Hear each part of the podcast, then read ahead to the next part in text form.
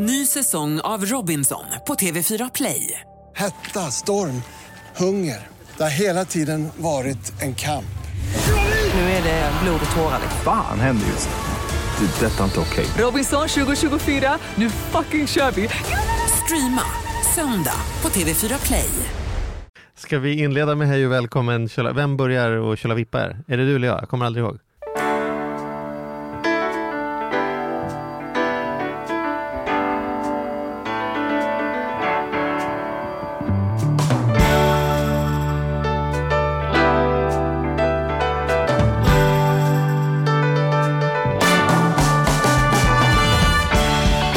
Välkommen till Ekonomi på riktigt med Charlie och Mattias. En podcast om ekonomi i samarbete med Hemverket.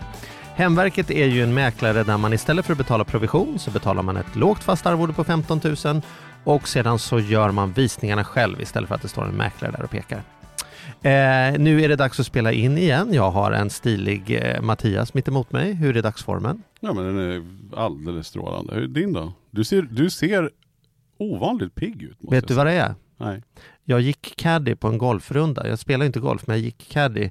Fem timmar, full sol, Portugal, lite vind eh, vid havet. Så jag tänkte inte, så jag såg ju helt grisrosa ut för två dagar sedan. Och nu har det lagt sig. Jaha, och det är Ja. därför. Ja, Ja, det är fint. värdelöst ämne att prata om i en podd eftersom ingen kan se mig. Men tack för att du uppskattar min fräschör. Ja men snyggt. Du, eh, idag har vi mycket att snacka om. Jag tycker vi går faktiskt direkt på gästen. Ja, nu blir det tre gråa skägg i samma rum. Nu kör vi igång.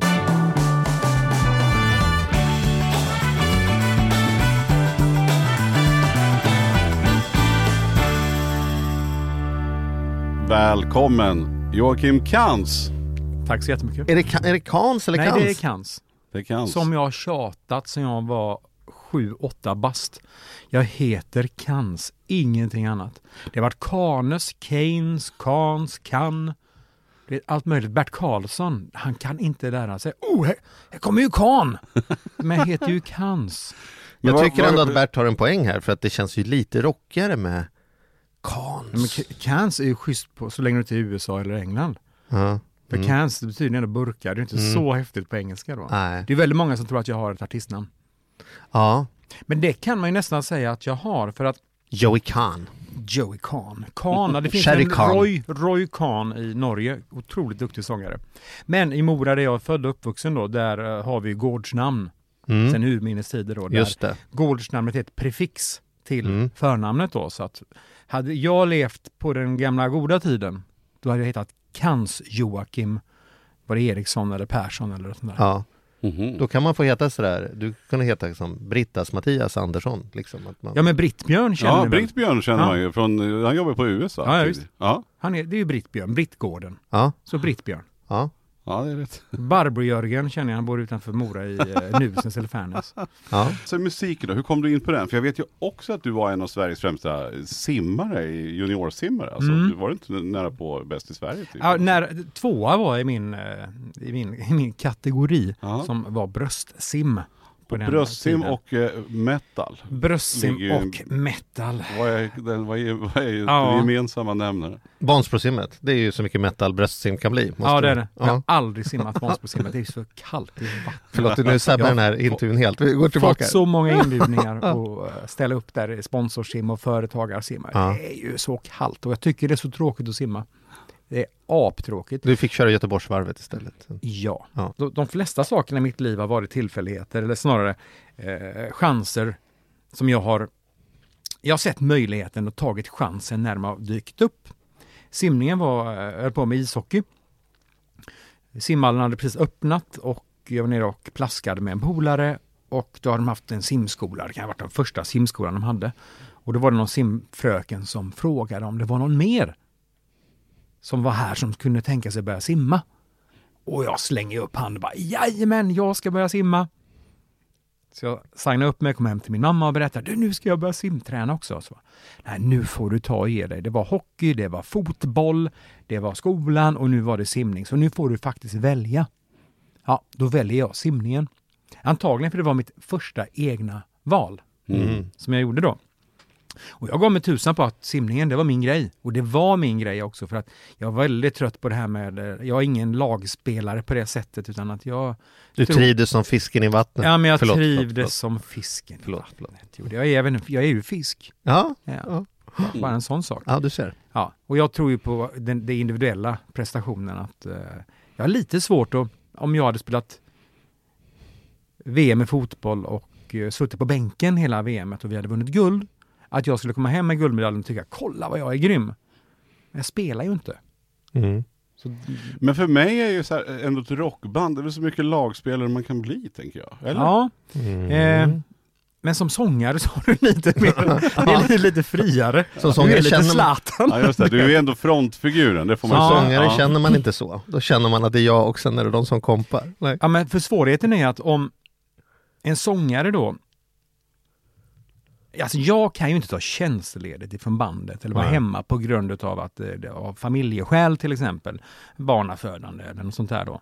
Men det, det går ju andra i bandet, basist, gitarrist till viss del. Men om det då är som, som Oscar i bandet, han skulle ju aldrig kunna vara hemma. Trots att han själv säger att jo, jag kan vara hemma. Bara, Nej, det kan du inte vara.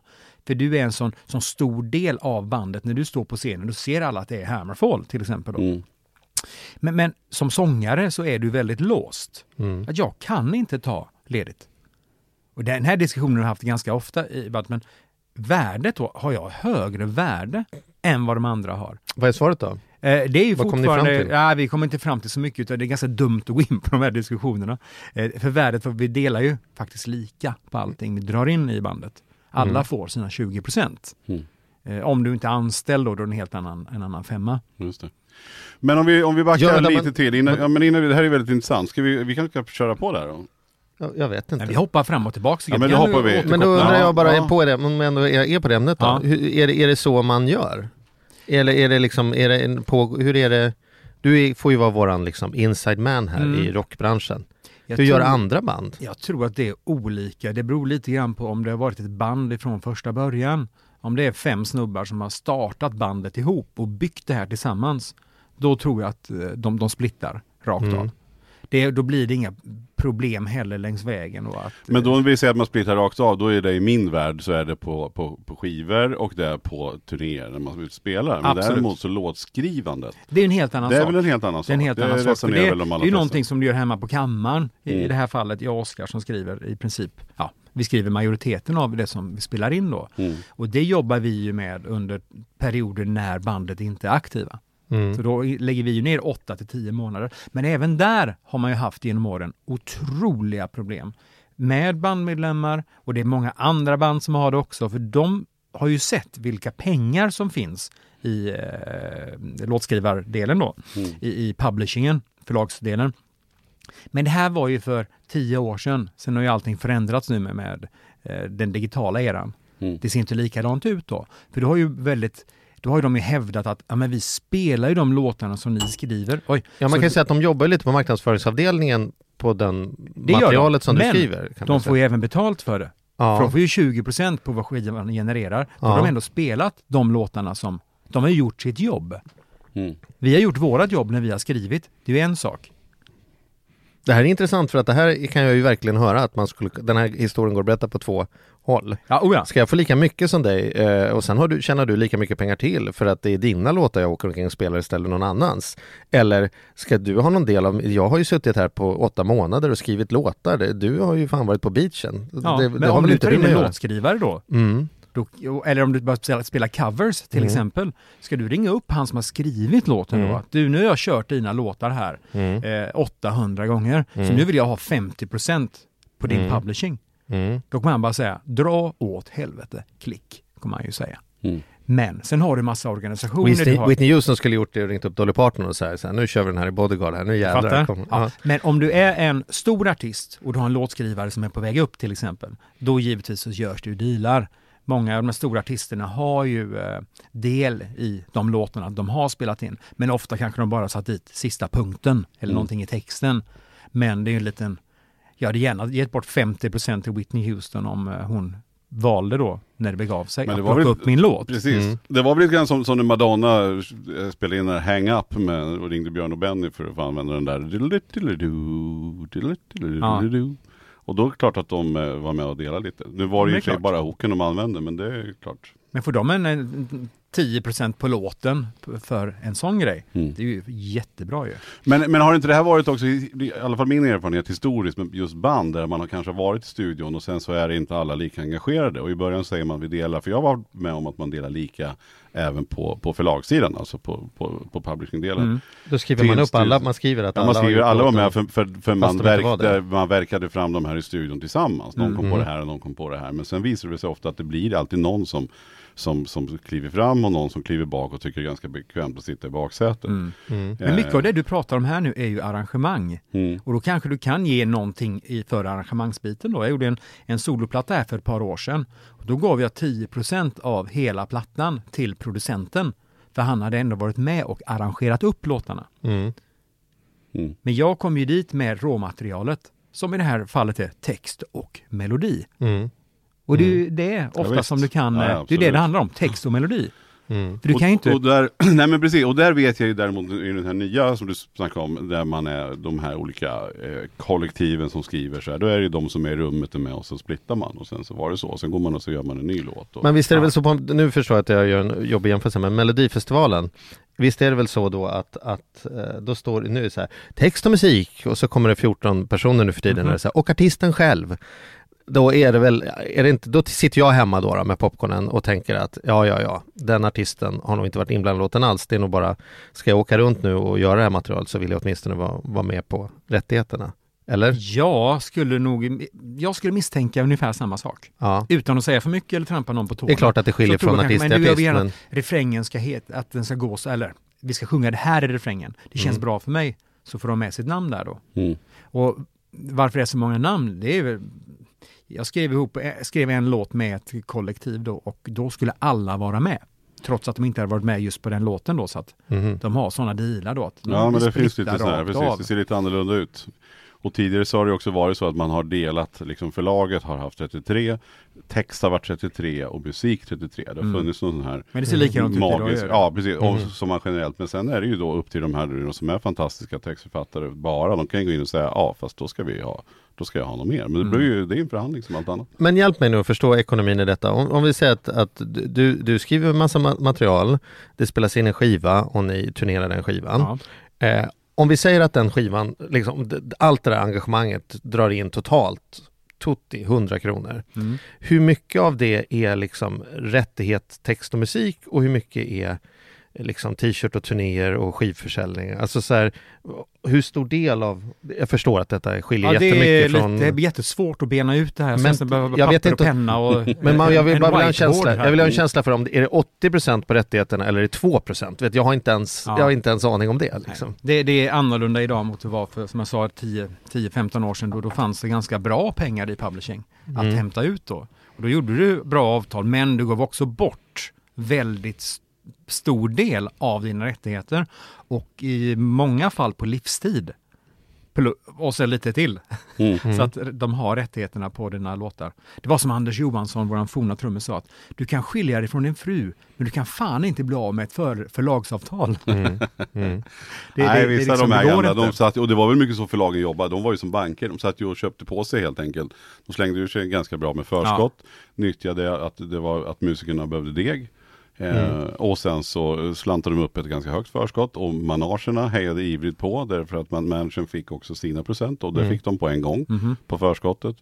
Och sen så satt Jag lärde mig massa här men jag fick inte svar på min fråga. Nej men jag ska tänka, alltså jag håller på och Ja, det sorterar pågår. i huvudet här just Mm. nu. Jag ska du få ett jättebra svar på det här.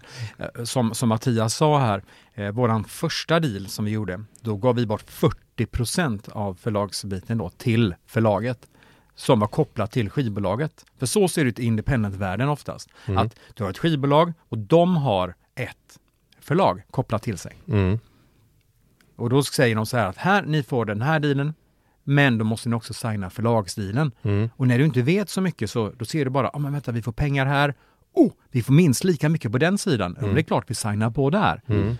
Lyckligt, eller lyckligt ovetande då i alla fall, att Mm. du ger bort 40% av de här verken i, ja, i resten av ditt liv i Mm. princip. Mm. Och det är jättemycket pengar. Om du on top då har ett management som tar 20% då tar ju de 20 på, eh, på bruttot, Ja, precis. gör ju de. Mm. Då har ju inte du kvar många kronor. Mm.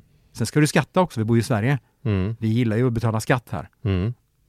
Så att det är inte många kronor kvar. Men jag måste ju tillbaka då, Ja. för, för då var det ändå simningen, höll du på med, men rockmusiken. Vad, började du, hur kom det hur, hur startade rock? Fan, jag håller på och räknar huvudet här. Ska vi Ja. gå tillbaka dit Ja, jag vet, ja, men vi är så, ja men vad fan, vi kan ju göra, vi är män, vi kan ju göra fler saker Ja. samtidigt. Jag hade en simmarkompis som var tre år äldre än mig. Han var Moras enda skinhead.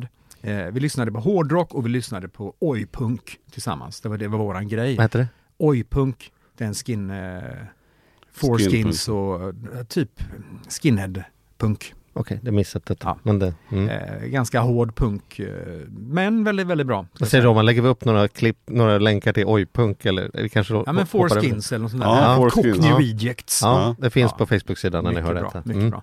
Eh, han blev sångare i ett punkband i Mora. Då kände jag att kan han sjunga, då kan jag också sjunga. Så jag började ju skrävla runt lite på skolan, jag gick i sjunde klass när det här var och eh, vi, vi var på en lokal pizzeria och spelade Defender, det här arkadspelet. Mhm. Som man stoppar in en krona eller två kronor i. Charlie är lite för ung. Eh, Defender, för, för både Stargate. Oj- Oj-punken och eh, Defender. Ja. Eller var lite för töntig Jag också. tror vi ska jag ha festen, vara vi ska spela arkadspel och lyssna på oj-punk. vi, har ju en, vi har ju en liten plan du, alltså, vi tar den sen. Ja. verkligen. Ja. verkligen. Jo, och eh, vi stod där inne och då var det ett band. De snackade om att de hade massa grejer på gång, som alla band har. Eh, men de behövde en sångare. Och då ryckte den här högerarmen igen. Mm. Och jag räcker upp handen. Jag kan sjunga. Och de tittade på mig och bara, jaha, okej, kan du sjunga någonting här? Kan du dra ett falsettskrik? Just det, i telefon. Det kom den. Där kom den. Eh, nej, men jag, jag kan sjunga, jag sjöng en refräng på en av mina favoritlåtar med bandet Demon från England som är betytt så otroligt mycket för mig. Och de tyckte att det lät bra. Vi drog upp till deras replokal och vi körde igång då. Eh, det lät fruktansvärt. Gjorde det. det lät riktigt, riktigt illa. Jag bara stod och skrek. Jag hade ingen koll på hur man sjöng. Mm. Jag hade bara fått för mig att jag kunde sjunga och att vem som helst kan sjunga. Så, men jag lyckades byta namn på bandet ifrån Unseen till Metal Force. Jag lyckades skapa en image åt bandet under den här dagen bara vi umgicks. Men jag fick aldrig komma tillbaks igen. Så att, Ja. eh, då gav jag upp mina sångdrömmar och jag hade varit hemma också i mitt pojkrum och sjungit ganska mycket till Twisted Sister. Eh, låten The Price kommer jag ihåg att jag hade Mm, en mm. kudde så här för, för ansiktet och jag stod och sjöng den här. skrek. Och min mamma kommer in. Har det hänt något? Har du gjort illa dig? Det var någon som skrek. Bara, Nej, det vet jag inget om, så jag. Så där gav vi upp sångardrömmarna. Egentligen så var det så här att eh, veckan därpå så köpte jag en Hobbex-planka, en gitarr. Kommer ni ihåg Hobbex-plankan? Mhm. För 200 spänn? Något sånt där? Fan, jag älskar den här eh, po- podden. Jag nu sitter och känner mig ung. plötsligt. Jag känner mig så gammal i morse. Jag känner mig ung. Jag har ingen aning om vad en Jag Hobbex-planka känner mig är. jättegammal bara för det. Köpt av en, eh, en parallellklasskamrat, en gitarr, gitarrförstärkare, en Hobbex-planka och så började jag spela gitarr. För mitt mål var att jag skulle bli den nya Yngwie Malmsteen. Inte som, jag skulle ta hans plats. För han är väl den artisten som har betytt mest för mig. Och det insåg jag när jag lyssnade på sommarprogram, han var sommarpratare i P1. Där och då förstod jag att, herregud, alla dessa intervjuer jag har gjort under 20 års tid och frågar Åh, vilken är den viktigaste skivan? Ja, men jag har kört, det har varit Queen Strike det har varit Demon dit, Grim Reaper, Halloween. Men det är Yngwie Malmsteen. Det är ju han som har öppnat, så att säga, den här stora dörren och visat mig att det är- hitåt du ska gå. Mhm. Vi- Vi är ju jämngamla. Eh, och jag har ju lyssnat extremt mycket på allt det du beskriver. Yngwie Malmsteen har betytt, eh, fast jag inte håller på med musik så var jag ju helt, alltså, Fast hade inte du en period typ här där du också, höll inte du på liksom? jo men inte på den nivån. Men jag hade ju band och jag var också sångare. Eh, Ja men då var ni väl på lite samma nivå ändå? Nej, då var han- säkert Mattias på mycket högre nivå än vad jag var. när jag var i oklart. Nej, men slöjdsalen. jag höll på när jag var 15-16 så hade vi någon demo. Och vi, ja, men så här, vi släppte någon, någon singel och lite sådär. Men, Robban, nu vet du vad du har att göra. precis. Lägg upp någonting med Ja, Mattias. herregud. vad hette ditt band? Witchhammer. Witchhammer, Ja. underbart namn. Ja, Det tyckte jag också. Det var ett hårt Ah. namn. Vi, vi, var, vi var så hårda så att vi fick inte spela på torget när Nyköping hade någon sån här dag för att vi var så här satanister då som vi hette Häxhammaren. Mm. Då kunde vi dras till som att vi var satanister så fick vi inte, fick vi inte lira på Ja, och torget. Häxhammaren var ju faktiskt eh, den här boken som man eh, de använde för att dö, vet du det? döma häxor va? Häxhammaren. Mm, ja, precis. Och sen så var vi ju väldigt här, som du som gillar Tolkien Charlie, så vår största hit hette ju sa, eh, The Return of the King. Mm. Eh, mycket tung låt Mm. faktiskt.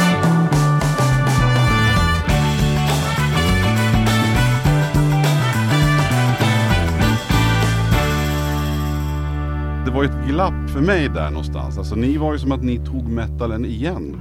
Jag vet inte om det kanske aldrig var ute. Det var bara jag som inte lyssnade Tycker på du det. att Men det Mattias har en känns som poäng man här? kom Att det igen liksom där, var liksom. andra vågen? Eh, det, det är väldigt stor poäng du har där. Vi har kanske inte fått den credden, speciellt inte i början, för det här att, vi, att det ändå var vi som där och då öppnade upp dörren och gav heavy metal-vågen nytt liv.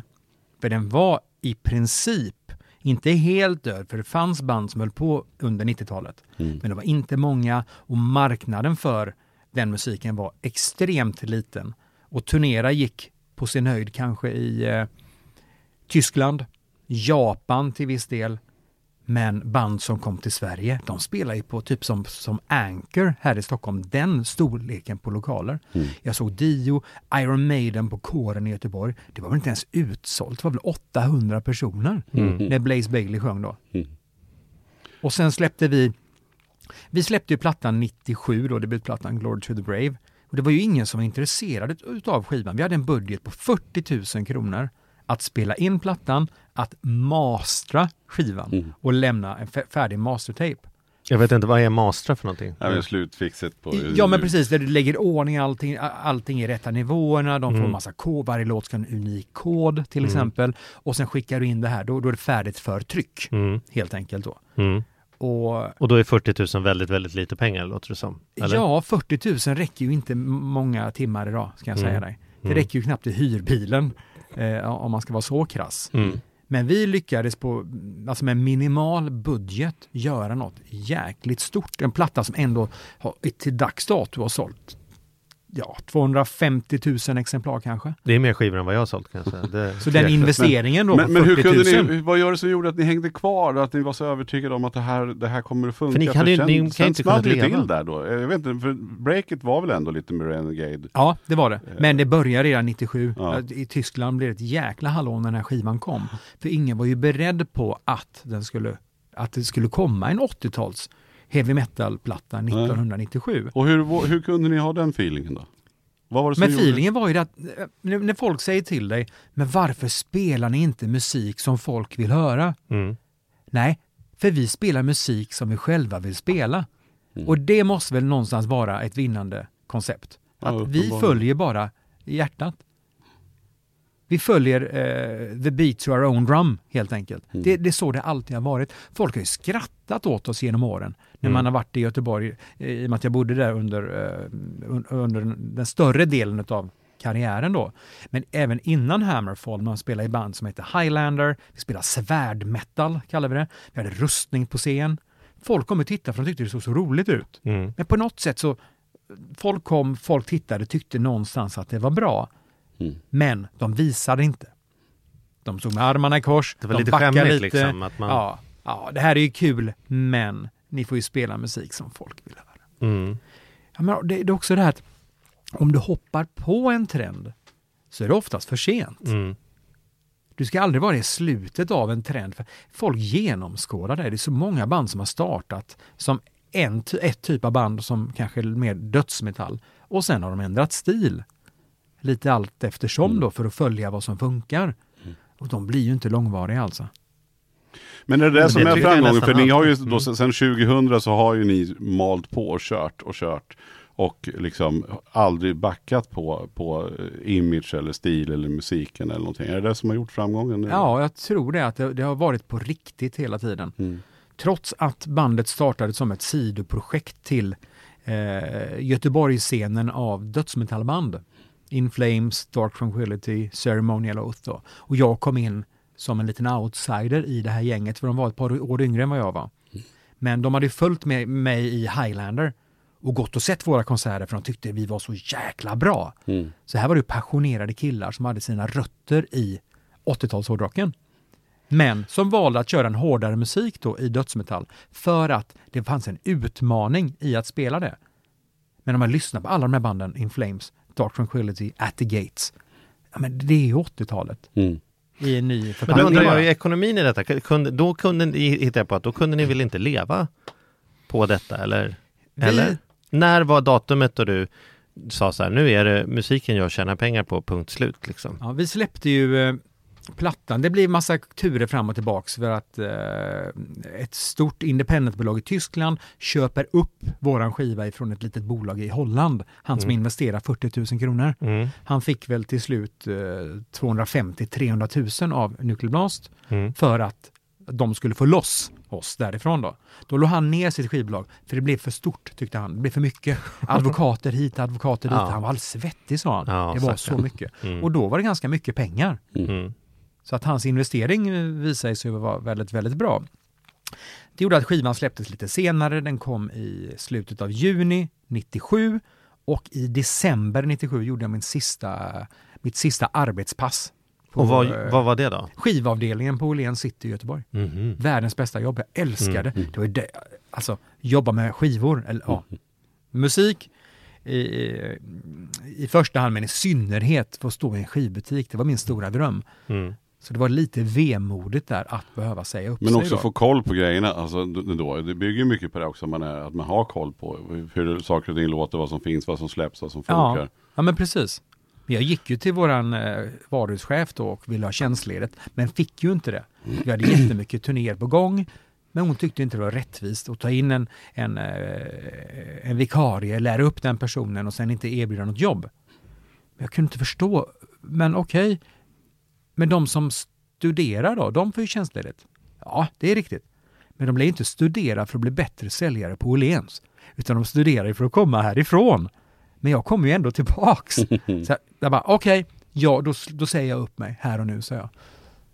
Så att... eh, Sen 97 sa du? Sen December 97, 97. Sen ja. har det varit bandet. Och hur var det då? Liksom. Hur, hur, hur funkade det ekonomiskt? Det måste ju varit ett jävla risktagande. Ja, det var ett enormt risk, risktagande, men vi började ju se lite grann vad det fanns för pengar i det hela och som låtskrivare så blev det ju lite mer. Mm.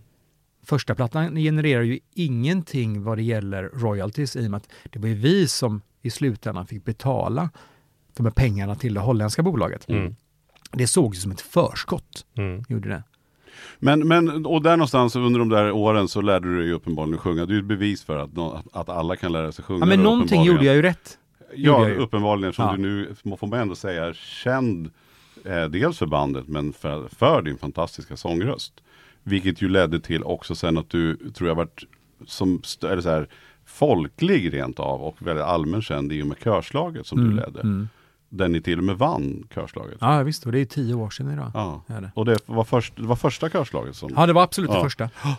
Var, hur kändes det då? Att, att liksom, var det ett var det liksom att hoppa ner i kalla vattnet där från poolkanten att så här, gå, i, gå in i folk, körslaget, folkhems liksom hur folklig vill man bli som metal? Så, alltså så här, fanns men det en sån folklig liten inget, kris? Jag tycker inte ordet folklig ska vara något negativt. In, inte heller att man blir kommersiell, för att kommersiell är någonting som det blir per automatik när en sak fungerar. Ja. Vi gjorde ju musik som fungerade och då blev vi, då blev vi i många ögon kommersiella. Ja. Och det blev ju väldigt negativt laddat. Och det här är långt före körslaget. Det här Mm. är ju i början på eh, eh, 2000-talet.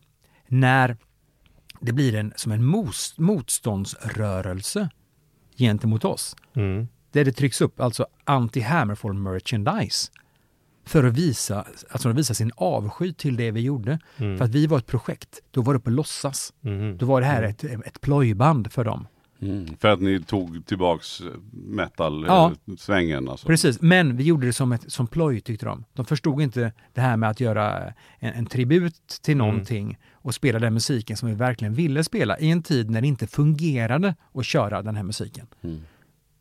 Så att, Men kan det inte också vara den här rädslan, liksom jag tänker att jag tänker om man så här, som tonåring, om man, om man, så här, man tycker ens föräldrar är idioter, de fattar ingenting och så lyssnar man på sin musik om då den musiken börjar spelas på P3 och mamma hör den i melodikrysset, liksom, då, då blir man ju förbannad, tänker jag. Det här var ju min, det liksom så här, jag tänker så här, hur, hur, hur populär får en sån här musik vara för gemene man, inte bara för människor som har tatueringar på hela armarna, men liksom när svärmor säger så här, Hammarfall är mitt favoritband, det är så här, då, då, då, då skulle man lätt att börja peka på er och säga så här, nu har ni sålt ut er, nu har ni blivit liksom, du vet, Men finns det men gräns får för hur mycket man får gå hem i mycket, Att man, stugorna? är, att man är för mesig och sådär. Och, eh, dagens musik, det som blev eh, svaret på, på 80-tals hårdrocken blev ganska hårt med dödsmetall, blev black metal, hardcore. Och det, blev, det var ju det som blev den nya underground-rörelsen. Mm. Och det spelades ju inte på radion. Nej. Och det tyckte nog både föräldrar och svärmödrar och allting var fruktansvärd musik. Eh, Men tyckte du, ty, har du tyckt det varit jobbigt någonting att inte liksom bli creddad mot, hos de här liksom, de som hela tiden går mot du vet, edgare, edgare, som ju mer man blir insläppt i värmen, ju mer blir man ju liksom fråntagen den där credden då, då på sätt och vis. Till en början var det nog eh, väldigt jobbigt, ska jag säga. Då ville man ju bli omtyckt och älskad av alla. Mm. Men eh, jag måste ju säga att ju, ju, ju längre tiden gick det så säkrare jag blev på mig själv och på det vi, vi gjorde och det vi gör. Då inser jag också att det, blir ju friktion. Alla kan ju inte älska det man gör, det funkar ju inte. Mm. Men jag är jäkligt nöjd att det finns så många som står bakom oss, som stöttar oss i vått och torrt Mm. som på något sätt har... Vi har till en början skrivit musik som vi själva skulle köpa. För det fanns ju ingen sån här musik att köpa när det begav sig på mitten på 90-talet. Du har ju också lyckats parallellt byggt ditt, ditt eget varumärke och, Mm. och dig då, eh, kanske först och främst genom körslaget upplever jag då att du, du kom till, till en större del, eller folkligt om vi nu ska kalla det för det. Men sen har ju du gjort mycket solo, solo-grejer. Du har varit med i olika, ja men så här, sjungit duetter med olika människor. Du har varit med i Moreus, ett annat, men så här, du har ju liksom du varit med i Melodifestivalen solo, du släppt Mm, soloplatta. Du har ju också lyckats hela vägen att, att marknadsföra dig själv parallellt med bandet. Har det varit, har, eh, hur har man lyckats med det då? Eller, ja. Men jag tror att körslaget var det som eh, gjorde den största skillnaden. Det var ingen självklarhet att jag skulle vara med. Och det var ju också eh, starka krafter i bandet som eh, tog avstånd ifrån det här. De tyckte inte att jag hade där att göra. För var ni inte creddiga innan så fanns väl risken att det skulle bli ännu värre? Ja, eller? men lite, lite grann så. Mm. Utan att hårdrocken var någonting som inte hade i, så att säga, i medierna att göra på det här sättet. Mm. Eh, och sådär. Men för mig var det väldigt viktigt att få göra det här valet själv. För det var ändå jag som stod där med mitt namn. Mm. Det var inte att det var Hammerfall och i, som representant för bandet har vi skickat hit Joakim Kans, utan Mm. att det var Joakim Kans som fick frågan. Men Då är vi kom- tillbaka på simningen där lite grann, när, han, när du Mm. valde Ja, men, själv, eh, eller hur? Och lite inte grann. det där med laget, utan Ja. du ändå har valt att köra ditt, ditt race parallellt så att säga. Precis. Och då kom ju nästa eh, svårighet. Det var ju att ta diskussionen med produktionen. Att ja, visst, jag kan ställa upp, men jag har motkrav. Ni kan inte bara ställa krav på mig. Och eh, nu när man har varit eh, i både radio, tv och eh, diverse branscher under, under tio års tid så är det väldigt mycket krav som kommer ifrån en produktion. Men jag var stenhård med att jag ska välja låtarna själv som kören ska framföra. Jag ska välja kör, alla medlemmarna, och jag ska vara på plats vid alla tillfällen. För det var så här att det var vissa körledare som inte ens hade träffat sin kör och repat innan den första sändningen. Mm. Och jag sa, det kan jag inte göra, för det är mitt namn som står där. Det står Team Kans, det står inget annat. Då är det jag som får skit om det blir något konstigt. Ja, men du får inte betalt om, om, eh, för att åka upp. Nej, men då åker jag väl upp själv ändå. Det handlar inte om pengarna för mig. Det handlar om det är mitt namn, mitt varumärke. Och jag måste ju stå bakom min kör i allt de gör. Och jag tror det var mycket därför Mm. våran kör, att det blir sån, sån stark eh, sammansvetsning svetsning och att det gick rakt igenom tv-rutan att det här var ju ärligt kul. Men det låter ju som om det här är en röd tråd det här, det här självförtroendet att sträcka upp handen och säga jag gör det och jag gör det på mitt sätt utan att gå igenom så mycket ångest i hur ska det gå, blir det bra Ja, ångest saker. fanns det gott om, det ska du veta. Ja, Det gör det fortfarande när jag räcker Mm. upp handen. Men Mm. du måste våga räcka upp handen. Nej, men det måste men man ju inte. Det är ju- en massa människor som inte vågar gå igenom hela livet och inte vågar och de eh, får Men ju också fråga om plats. de ångrar något då på dödsbädden. Ja, ja, Att det kanske var något där att ja, men jag kanske skulle ha vågat mer. Jag ja. kanske skulle ha varit lite mer äventyrlig. Det är därför jag hoppade på körslaget. Det som driver dig, det är, om du är rädd för något så är du mest rädd för att du i slutet ska känna att du inte Jag vågar det. älskar att tacka ja till saker. Och jag hatar att tacka ja till saker. Mm. För jag kan få en riktig ångest efter jag tackat ja. För då känner jag, då är jag inte riktigt... För det är ju så att när du väl har tackat ja till något, då börjar ju förberedelseprocessen. Det är där du ska eh, bli säker på det du ska göra. Men jag kan ju stressa upp mig väldigt mycket i, i förväg. Att, hur, fan, hur ska jag klara av det här? Det kommer aldrig gå.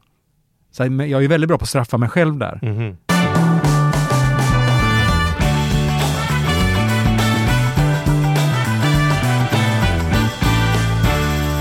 Vi hör ju här under, under programmets gång att, att, eh, att du är väldigt, ja men du är om du kring dig, du har koll på grejerna. Och, och då tänker jag på det här ekonomiska. När ni är ute på turné till exempel.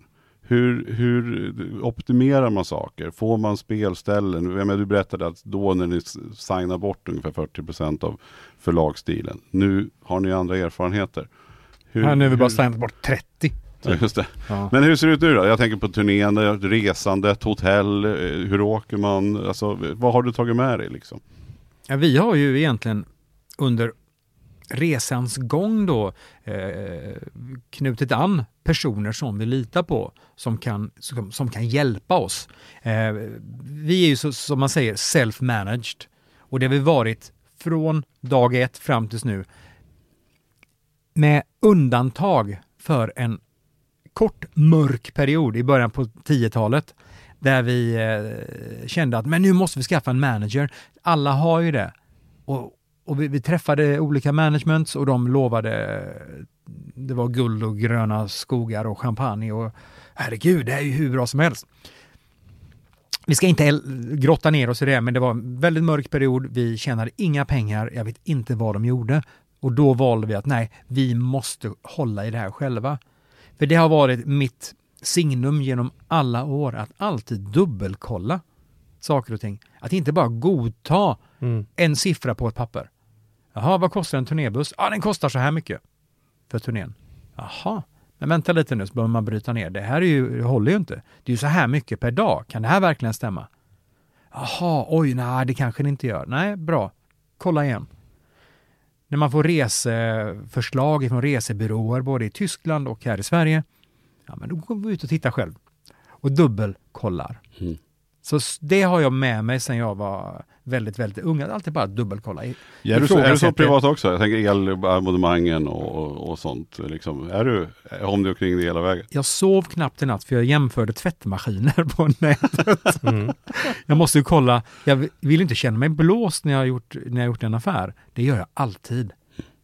Visst är det Men ska man inte göra man- så att när du väl har köpt en jävla tvättmaskin, då ska du sluta titta Jo. på tvättmaskiner. Men jag Mm. kan ju inte det, Nähä. Mhm. du vet. Nej. Ja, men det är väl en bra egenskap om man är så här, det- för det där kan ju sticka iväg rätt mycket pengar. Om en, en busshyra extra hit och dit Ja, och med de här grejerna och sådär. Vi, vi snackade lite grann innan om till och med det här som, som du pratade om övervikt när ni åker. Mm. Eh, så är det ju just det här med att packa väskorna bara för Mm. att kunna slippa övervikten. Vi har ju en, en sån bra setup idag att vi kan flyga i princip var som helst i hela världen eh, med en, en setup då på scen med allt ifrån eh, instrument till monitorsystem till eh, in-ear-system, mikrofon, rubb och stubb. Flygvänligt under maxvikten. På grund av att vi jagar ju poäng. Då är ju först och främst med SAS då. Då, Mm. då har ju halva bandet har ju platinumkort idag. Eh, vi andra har guld och det gör ju att då får du plocka med dig lite extra väskor, lite extra kilon. Du kan uppgradera så du reser lite bättre. Men du slipper de här övervikten då och det kan bli extremt dyrt. Mm. Det här tycker jag är intressant för att det det är den misstanken jag har om Ska man lyckas på den nivån som du har lyckats och ni har lyckats så är det mycket som är ledarskap och logistik och, och, och, och ekonomi eh, lika mycket som det är liksom sångteknik och, och liksom träna med gitarren och trumpinnarna. Mhm. Man ser ju oftast inte det. Man tänker så här, Madonna är störst för att hon sjunger bäst. Alltså det finns ju någon sån där idé. Mm. Vad, vad tänker du om det? Hur mycket är du en företagsledare av företaget Hammerfall och hur mycket är du en artist? Liksom? Till en början var jag 100% artist. Sen för varje år så har det här urvattnats lite grann. Så att vi säger att det har gått från 100 till 90, 80, 70, 60, 50, 40. Så idag är jag kanske 20% artist och 80% företagsledare skulle jag säga. För så mycket tid lägger man ner på det som inte är speciellt kul. Men det är ändå det som säkrar din framtid. Det är det som betalar räkningarna. Det är det som ser till att barnen har det bra och får sina julklappar. Mm. Och att det faktiskt blir någon skiva till Ja. slut också. Va? Det, ja. Så vi, eh, vi håller i, i princip i allt. Och när det är bokningar inför... Eh, jag brukar spela in eh, sånger då med en producent i USA. Men då hittar jag själv boendet, jag hittar själv resorna. Men så har vi hjälp med en resebyrå som kanske går in och bara gör bokningen till slut då. Det är så mycket enklare när man vä- väl fixar det själv. Men är inte det här lite, alltså det genomsyrar väl allt vi gör i livet, att man ändå behöver skaffa sig koll. Det pratar vi jättemycket om även i sin privatekonomi, att man inte bara låter, man, man låter alla erbjudanden bara bli. Jag tänker också till då unga artister som åker, har, har något produktionsbolag som säger att vi fixar resan, vi ordnar det här. De behöver inte bry sig för det är inte deras pengar. Nej, de lägger bara ut en fråga. Vi ska åka, vi ska på turné de här tre veckorna. Mm. Ja, här har ni en bussoffert. Bara, ja, den tar vi. Mm. För då, det spelar ingen roll för dem. De, har, de får ju sin lön ändå. Mm. För oss är ju varenda krona viktig. När jo vi, men det är, det, är, det är som när man ringer kom hem och jag, jag skulle byta abonnemang och jag säger så här, jag vill bara kolla hur, jag, jag, ska, jag ska bara ändra mitt abonnemang. Eh, går det? Har ni någon, någon, något bra erbjudande? Nej, så ut. Utan jag skulle down, downsize antalet kanaler och megabyte, eller megabit, heter det. Då skulle det bli dyrare. Tills jag säger att jag säger upp det. Då, då stackar jag för mig. Ja men då ska du få prata med en annan kille här så ska vi nog ta fram det. Client Det recovery-avdelningen som här, och det här har vi surrat om så många gånger, men jag tänker det, verkar, det är väl samma sak i, i alla branscher och även Ja, så i musikbranschen. ja. Men det är, visst ändå, det så. är ändå starkt, man har ju någon bild av, eller det finns ju den här sagan om rockartisten som bara liksom har toppsviten på alla hotell och det liksom är brudar och champagne överallt och, eller kanske Men vem betalar för det här då? Ja, det, det är ju det, alltså, att det kostar ju att ligga på topp och du vet så här. Så här varje hotellrum som har Privatjet slagit med Yngwie sönder genom åren så är det bandet som har betalat. Ja, Så är det ju. Och artisten själv. ja. Så att det är ju ingen annan som går in och betalar för dig, åt dig. Ja, det kan ju vara en deal någonstans att ja, du får komma hit och spela. Ja, men då ska jag ha lyxsviten på hotellet. Ja, det får du. Men det räknas ju av ifrån någonting. Mm. Ja, ifrån gaget på andra sidan. Mm. Vi kan åka runt i en kryssare till buss kan vi göra. Men vem betalar den då? Ja, det är vi själva. Okej, kan vi nöja oss med den bussen som är aningen, aningen sämre, men ändå inte är dålig på något sätt? Ja, det kan vi göra. För istället då, som vi fick göra efter en turné 2010-2011, vi gjorde fyra veckor i Europa, fem veckor tror jag det var till och med. Eh, då fakturerade jag till vårt gemensamma bolag eh, 25 000 kronor. Det var min del av vinsten Mm. på en hel Europaturné. Mm. 25 000. Mm. Där och då beslutade jag, nu tar vi en paus. Mm. Någonting är fel. Vi måste hitta felet. Mm. Och vad var felet då? Felet var att vi hade släppt på kontrollen Mm. till management. Mm. Hade vi gjort. Och då drog Och pengarna iväg på alla möjliga ställen. De tyckte det lät jättebra. Ja, men ni har fått det här, det här, det här. Mm. Som exempel bara. Så på den turnén så fick vi, om det var 9000 eh, euro för en spelning i Tyskland. På samma ställe på turnén efter fick vi 22 000. Och det var sålt exakt lika många biljetter. Mm. Mm. Då har du en på vänstra sidan här, min vänsterhand som är uppe i luften nu, som Mm. inte brydde sig, som Nej. gjorde den dealen. Medan de vi jobbar med nu och som vi faktiskt har jobbat med sedan den första turnén vi gjorde 1997. När de får göra det de är bra på, då blir det rätt. Och de, det är vårt bokningsbolag som sköter eh, allt utom Nordamerika och Skandinavien. Och det, de har vi jobbat med, förutom den här svarta De perioden. åren. De, Ja. de mörka åren. Mm. För tyskarna är ändå bra på och de har bra, bra kontroll. De gillar kontroll. De är väldigt fyrkantiga, det kan vara otroligt jobbigt stundtals. Men jag litar på dem. Mm. Är det, är det något nu då som, som du ändå håller på sådär? Är det, är det någonting som ni unnar er när ni är ute? Ja men det här, vi sover fan inte på det här sättet. Eller vi vill ändå ha den här, de- det här Vossvattnet i logen. Eller vi, nej men förstår du, är det någonting så här Nej, vi har ju tagit extra? bort all stark sprit från riden. För, att, för det första var det ingen som drack det. Det var någon i crewet som Mm. drack det och blev jättefull. Bara, men vi ska ju inte betala för att han ska supa ner sig och komma hem som ett vrak efter turnén. Bara bort med det. Mm. Vad behöver det. vi? Vi behöver ha det här. Okej, är det något mer? Nej, det kan vi gå ut och köpa själva. Mm. För det är ändå våra pengar. Och någonstans i en förhandlingsläge i gaget också. Mm. Ju Visst mer man så. kommer i riden, ju mindre utrymme måste man ha i Ja. förhandlingen. Någonstans tas det igen. Och sen Liksom. kan du jobba på två olika sätt. Då. Antingen kan du jobba mot eh, ett, ett högt garantigage eller ett lägre garantigage men med hög procent. Och det är så vi har jobbat, speciellt i Tyskland i alla år. Och det är Att ni har därför- tagit större risker men fått mer utdelning? Ja, att du har en, en Mm. lägre garanti, Mm. men då tar ju heller inte den lokala arrangören några större risker. Nej. Nej, precis. Win-win. Ja. Men bra. finns det, finns det någon gång under hela den här resan, det är alltid så lätt när man när man har lyckats så berättar man alltid historien så låter det alltid så bra för man berättar ju vi ställer ju bara frågor om saker som har blivit någonting. Liksom. Jag tycker inte 25 000 kronor nej, nej, det var, nej, det lät inte så bra. Nej, det lät inte så bra. Men jag bara menar, finns, fanns det, finns det en dag när du, när det på allvar var så här, nej nu får jag nog lägga ner musikkarriären, nu som det är tomt i plånboken, ungarna behöver käka eller liksom så här, nu trycker de på här att det ska amorteras mer. Fan, fin, finns det ett datum som du, som du så minns att så här, här var det fan på håret att det Nej, inte blev av, eh, skivaffärgen liksom? Absolut inte. Nej. Jag ska nog säga att det har aldrig varit eh, pengarna som har varit min stora drivkraft utan att däremot hade jag funderingar efter våran paus. Att jag ska nog göra en skiva till, sen får jag ta en funderare om det här verkligen är det jag vill göra.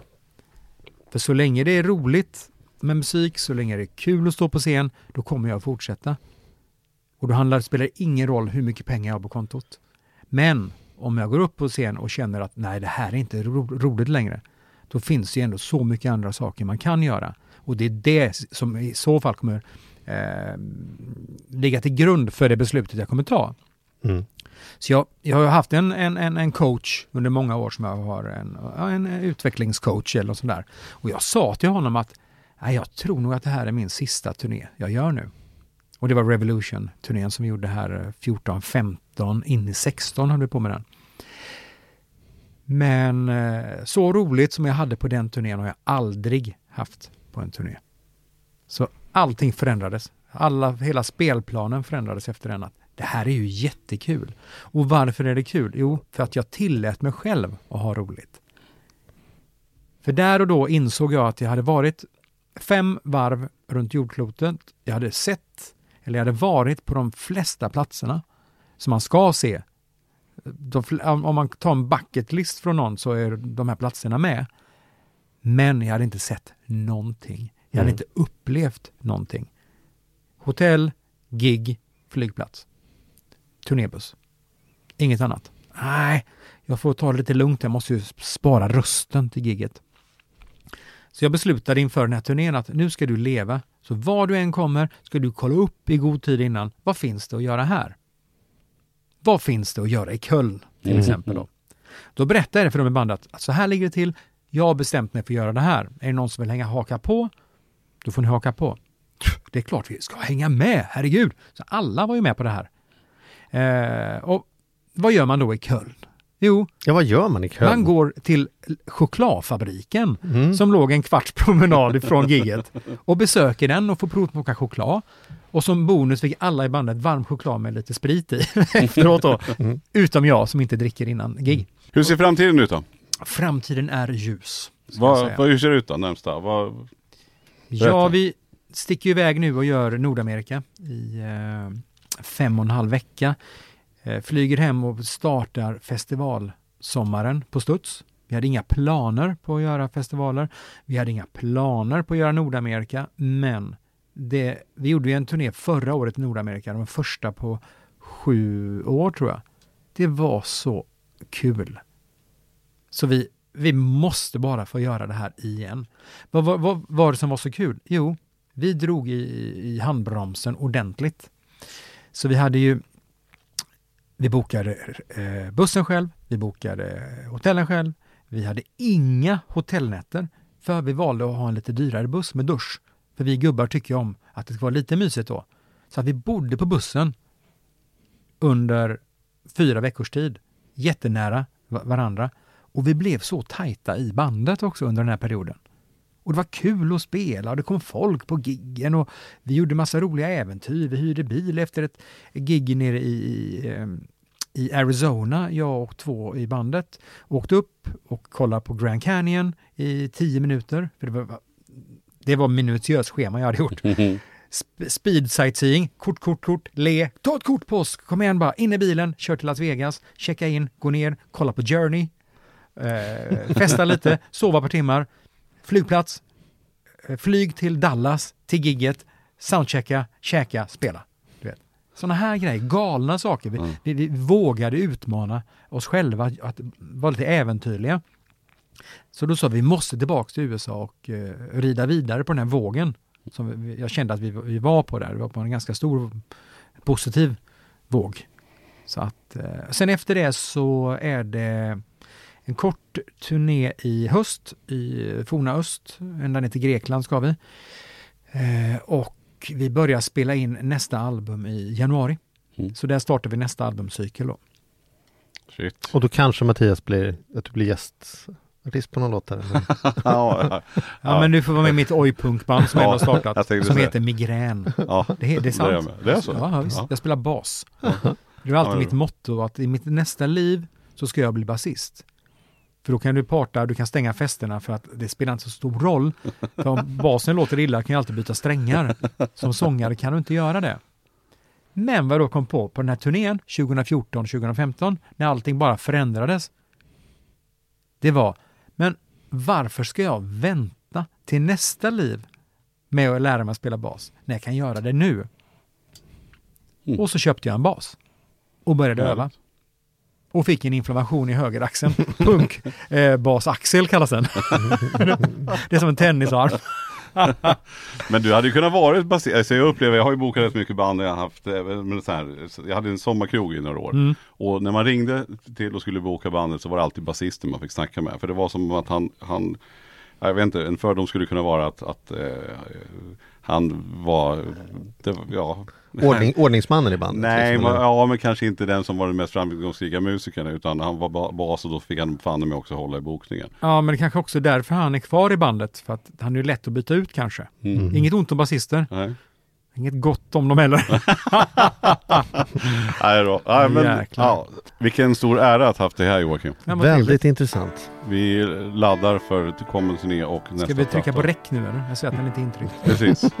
Nu har vi ju testat. Då, då är soundcheckat och klart då. Ja. Då går vi och käkar lite Säg och det du sen sa, drar vi men av lite kortare konserten. bara. Tack så jättemycket. Ja, men tack själva. Tack.